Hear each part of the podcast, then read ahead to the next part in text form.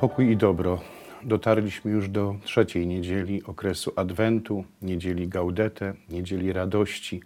Radości z tego, że już przybliża się do nas wielkimi krokami nasze odkupienie. W tę trzecią niedzielę znowu widzimy Jana Chrzciciela, tego, który jest głosem wołającego na pustyni: prostujcie ścieżki dla Pana, wyrównujcie pagórki.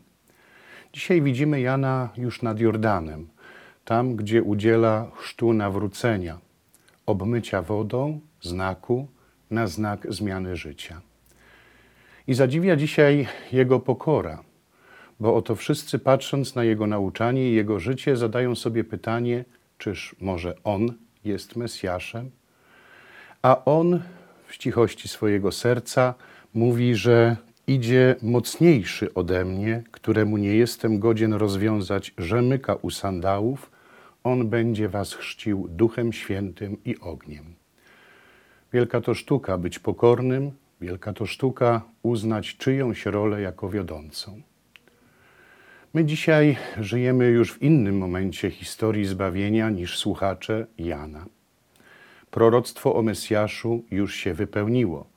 Ono, on już jest wśród nas. Ale przed nami jeszcze ostateczny rachunek z naszego życia. Tak jak słyszeliśmy w dzisiejszym fragmencie, czasu naszego rozliczenia, czasu, kiedy on przewieje omłot, kiedy oddzieli pszenicę od plew. Mamy zdać jeszcze ostateczny rachunek z naszego życia.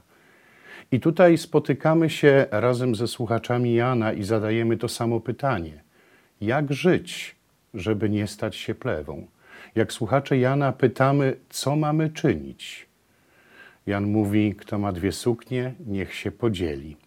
Takie proste wskazania, takie aktualne, takie możliwe.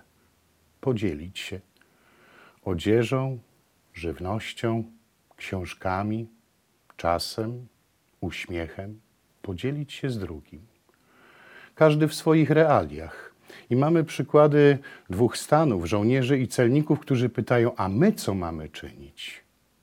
A Jan mówi: Bądźcie uczciwi. Dlatego dzisiaj, w tę trzecią niedzielę Adwentu, zadajemy sobie samemu pytanie: co ja powinienem w moim życiu zmienić i jak ja mam żyć, aby stać się pszenicą, która będzie uhonorowana niebem. To te proste sprawy życiowe, to te proste sprawy zawodowe, rodzinne.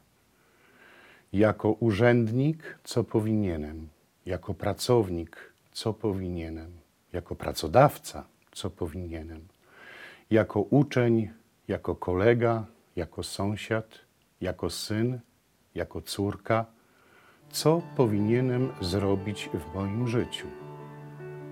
A myślę, że można to streścić w dwóch słowach: żyć uczciwie i umieć dzielić się z drugimi.